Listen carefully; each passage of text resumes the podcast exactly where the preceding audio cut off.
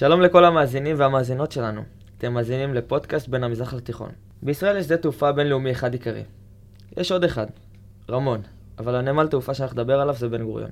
על פי נתוני רשות האוכלוסין, יצאו מנתב"ג מעל ל-7.5 מיליון ישראלים בשנת 2022, ועוד 2.3 מיליון אזרחים זרים. מרכז העומס היה בקיץ האחרון, ובעיקר בתקופת חגי תשרי. שם היינו יכולים למצוא אנשים שעומדים שעות ארוכות בתורים, החל משלב הצ'ק-אין, שלב המעבר הביטחוני, ביקורת דרכונים, מי שגם היה מעוניין גם עמד קצת בדיוטי פרי, וכמובן בשלב העלייה למטוס. חלק מהטיסות אפילו התבטלו, או מזוודות שנעלמו בדרך ליד שלהם כחלק מכל הסיפור הזה. היום אנחנו מארחים את דוקטור ארז כהן, מהמחלקה למזרח תיכון ובמדעי המדינה באוניברסיטת אריאל, שיסייע לנו להבין קצת מה בעצם גורם לכל התורים, העיכובים וביטולי הטיסות, או אובדן המזוודות. שלום ארז, מה שנשמע? שלום, מה נשמע? אז אה, א', אנחנו מאוד שמחים אה, שאתה איתנו. בפרק הקודם אה, דיברת פה עם אדם קצת על צפיפות בכללי, ועכשיו אנחנו הולכים לאיזשהו נושא שאני לא בטוח שמדברים עליו כל כך, וזה בעצם נושא התעופה. מה זה אומר צפיפות תעופה? זה משהו שאנחנו שומעים אותו פעם ב- בתקשורת. אוקיי, okay, תראה, בשדה תעופה יש מה שנקרא סלוטים, כלומר פסים של נחיתות והמראות. הסלוטים הם מוגבלים. צריכים להיות מתואמים גם, גם כן עם נחיתות והמראות בשדה תעופות, תעופה אחרים בעולם. זה דבר שהוא מוגבל, יש לו קיבולת, קיבולת סופית. אי אפשר הרי להגדיל מספר ימי השבוע, אי אפשר להגדיל מספר שעות ביממה, זה קיבולת סופית. זה מצד אחד, זה ההיצע. עכשיו, ההיצע הוא נתון ומוגבל, ובסופו של דבר ממולו יש ביקוש. הביקוש לתעופה בישראל הולך וגובר מכמה סיבות. אחד, קצב ריבוי האוכלוסין. כמו שדיברנו בפודקאסט הקודם, האוכלוסייה בישראל גדלה ב-2% בשנה, אז יש יותר אוכלוסין, יש יותר אנשים שרוצים לטוס, ולכן הביקוש גובר. דבר שני זה עלייה ברמת החיים. אם בעבר לטוס לחו"ל נחשב לפריבילגיה של משפחות מבוססות ועשירות, היום כל אחד טס, ואם אתה לא טס אתה חריג, לא אם אתה טס אתה חריג, ויש אנשים שטסים אפילו יותר מפעם אחת בשנה. אה, לא רק, ל... לא רק לעסקים, אלא בילויים. זאת אומרת, לבילויים, למשפחות, יש להם בילוי בחורף, בילוי בקיץ. אז זה דבר שני. דבר שלישי, ישראל מנסה לפתח, ולשמחתי בהצלחה בשנים האחרונות, אם אני שם בצד שנת, שנות הקורונה, את התיירות לישראל. וככל שהתיירות לישראל יותר תתפתח, יהיו יותר תיירים שירצו לבוא, אז הם צריכים טיסה הלוך וצריכים להיות טיסה חזור. דבר שלישי, גם הכלכלה הישראלית מתפתחת, ויש יותר עסקים, ויותר אנשים, אנשי, יותר אנשי עסקים באים לישראל לפגישות, וכמובן אנשי עסקים ישראלים נוסעים לפגישות בחו"ל. תחשוב על עולם האקדמיה, שנוסעים כל הזמן לחו"ל, רק אני כבר אה, טס עכשיו פעם שנייה תוך חודש, ובעוד שלושה חודשים פעם שלישית. אה, עולם האקדמיה לכנסים, זה הולך ומתרחב. אבל אין לנו את האפשרות, כיוון שהצפיפות גוברת, כמו שאתה הצגת בפתיח, ומה שאתה תיארת זה מה שיש בקיץ, אבל הוא הולך ויתרחב גם בחודשי החורף.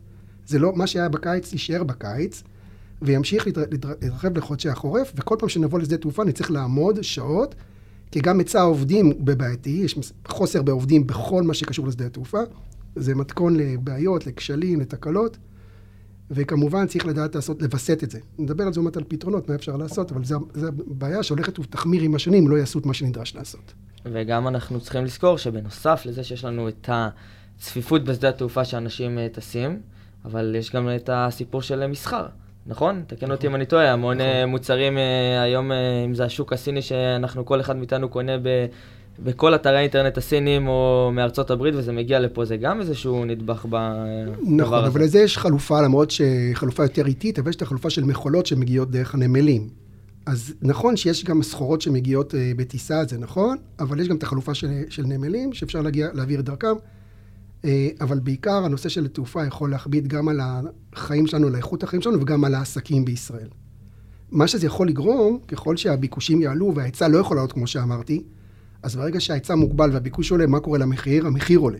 ככה שיכול להיות שעוד כמה שנים, שנגיע לשיא של הצפיפות, הרי אי אפשר יהיה לעבור את השיא של הצפיפות, כלומר כי ההיצע מוגבל, אז מה שיקרה שההיצע יישאר אותו דבר, הביקוש יתחיל לגרום לכך שהמחירים יעלו, וככל שהמחירי הטיסות יעלו, הביקוש ירד ויתייצב מול ההיצע, ורק העשירים יוכלו לטוס.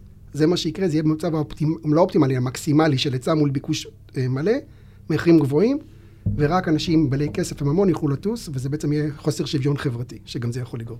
זה משהו שהיו יכולים לצפות אותו ב... במשרדי הממשלה כבר לפני כמה שנים? בוודאי, כל דבר שקשור לאוכלוסייה, יש תחזיות אוכלוסייה, ואפשר לראות איך, איך תחזית אוכלוסייה משפיעה על כל דבר שהוא. אתה יכול לראות כמה ילדים יהיו בכל גיל וגיל, ואז תתרגם את זה למה מה נדרש בחינוך. תראה כמה תלמידים יש, סטודנטים, אנשים יש בגיל 21-25, תדע מה זה נדרש מבחינת השכלה גבוהה, מה נדרש מבחינת הצבא, תראה כמה אוכלוסייה מבוגרת יש, זה אומר מה זה נדרש מבחינת אה, עובדים סיעודיים, וכמובן שאתה רואה את האוכלוסייה ואת קצב ואת שיעורי הנסיעות לחו"ל, אתה יכול להבין שזה גם לא יספיק בעוד כמה שנים, ובעצם להתמודד כבר עכשיו, להיערך כבר עכשיו לעוד כמה שנים, כדי שנוכל להמשיך לנוע בטיסות בצורה יעילה, בטוחה ומהירה במחירים שפויים. ואם אנחנו דיברנו באמת אה, רגע על התכנון הזה קדימה, אז יש לנו באמת את התכנון שהמדינה באה ואומרת, אוקיי, יש לי פה אה, רמת חיים שעולה, אה, כמובן ריבוי אה, ילודה וכאלה דברים. ומה התכנון שיכולים לעשות, מה הפתרונות בשטח למעשה? אוקיי, אז קודם כל, תראה, מה שעשו בעבר, פינו את שדה דוב. שדה דוב היווה חלופה לטיסות פנים-ארציות. ומה עשו ברגע שפינו אותו? מתוך שיקולים כמובן נדל"ניים. פינו אותו, ועכשיו כל מי שרוצה לנסוע, לטוס לאילת, אין כבר שדה דוב. יש בן גוריון. זאת אומרת, כולם באים לבן גוריון. נכון שזה טרמינל אחר, אבל זה עדיין בן גוריון, זה מעמיס שם, צריך אותם, את העובדים שיטפלו בזה, סלוטים של טיסות. לכן זה עשו, עשה יותר גרוע. אז אני אומר שקודם כל צריך שדה תעופה שעוסק רק בטיסות פנימיות, ובעצם לעשות הפרדה בין טיסות בינלאומיות לטיסות פנימיות, ככה לבצע את האוכלוסייה. שדה תעופה שנמצא במרכז הארץ הכוונה, או שהוא יכול להיות גם בצפון? תראה, מה שקשור לטיסות אה, לארץ לא חייב להיות במרכז הארץ, יכול להיות שגם יותר בפריפריה, כי זה פחות חשוב.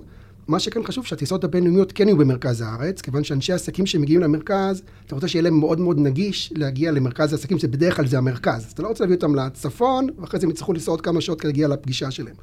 לכן מה שקשור לטיסות לארץ, אפשר גם, אפילו כמה שדה, תעופות, שדה תעופה קטנים יותר, שיאפשרו גם לצ, לצפונים לטוס אה, לאילת, וגם לאנשי המרכז, וכמובן לדרומים שהם פחות צריכים לטוס לאילת. אז צריך שני, שני תעופה שעוסקים בטיסות אה, מקומיות. וחוץ מזה צריך גם שדה תעופה בינלאומי חדש, ועל זה היה הרבה ויכוחים. הבעיה הזאת ידועה, זה לא משהו שדנים בו רק עכשיו. עסקו בזה כבר שנים, הקימו ועדות על ועדות ודחו את היישום. דיברו בהתחלה על שדה תעופה חדש, בינלאומי, בדרום, לא בעובדה, לא ברמון, שדה תעופה אחר, בדרום, זה, ומשרד הביטחון אה, נטרל את זה מתוך שיקולים של אה, שטח אש ודברים כאלה שמפריעים לצבא. ואז הגיעו, הוועדה אמרה שברמת דוד בצפון זה המקום הכי טוב לעשות את זה. ואז התחילה ההתנגדות של התושבים שם. וגנץ, שהיה שר ביטחון, קצת נכנע ללחץ, וביטל את זה, וגם מיכאלי, שהייתה שרת התחבורה, אמרה לפני סוף הקדנציה שלא צריך שדה תעופה חדש, נטרלה את זה, עכשיו זה שוב עולה על, פרק, על הפרק, ושוב דנים איפה צריך לעשות את זה. יש כבר הצעה לייבש שטח מהים באזור חדרה, אה, לייבש שטח מהים באזור חדרה ולעשות שם שדה תעופה אה, בינלאומי, גם על זה מדברים עכשיו. אבל מדברים ומדברים ולא עושים והזמן עובר והמצב נהיה הרבה יותר גרוע. צריך לתכנן ולבצע.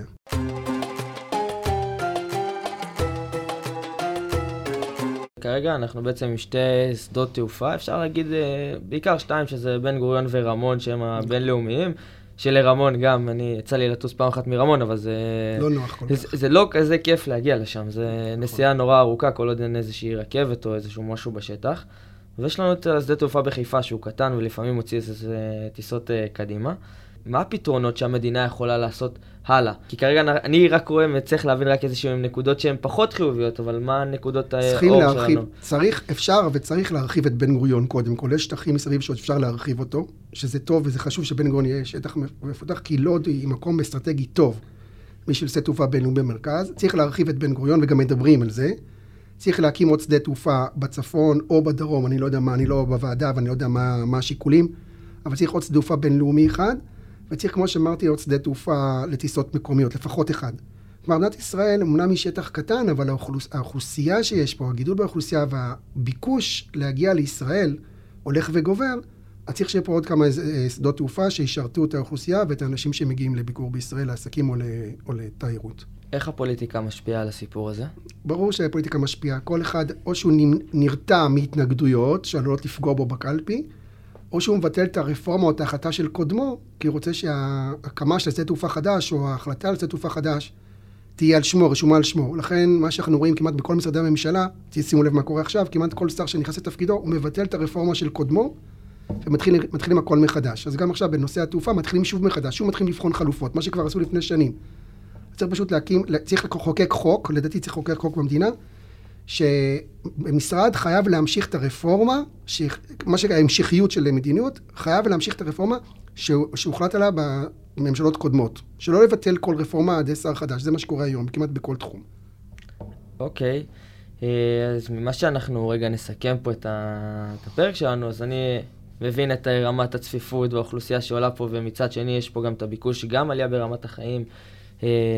לצאת לחו"ל, בין אם זה אנחנו, אזרחים זרים שמגיעים לפה, וממה שאני מצליח להבין מהפתרונות שלך, זה באמת שצריך פה עוד איזשהו שדה תעופה, בין אם זה לטיסות פנימיות, אבל גם לטיסות אה, בינלאומיות בלי אה, שום ספק. וגם להרחיב את נתב"ג, למרות שלא מזמן היה איזו כתבה שהתפרסמה על כך שרוצים לבנות שם בכלל אה, עיר חדשה. חושב שזה לא, משהו שיקרה? אני שמעתי על זה, לפנות את, דיברו על לפנות את נתב"ג, לעשות שם עיר ולהעביר את שדה התעופה לצפון. זה לא טוב, כמו שאמרתי, אנשי העסקים רוצים לבוא למרכז, הם לא רוצים שדה תעופה בצפון או בדרום והמשך של נסיעות עד לאזור העסקים. חוץ מזה, נראה לי ענית לי על מרבית השאלות, ואם יש לנו עוד אה, דברים, אז אנחנו גם אה, נתראה בפרקים הבאים. אנחנו נתעסק בעוד עניינים של אה, צפיפות ואיך הם משפיעים. תודה שהיית איתנו, ארז. בשמחה.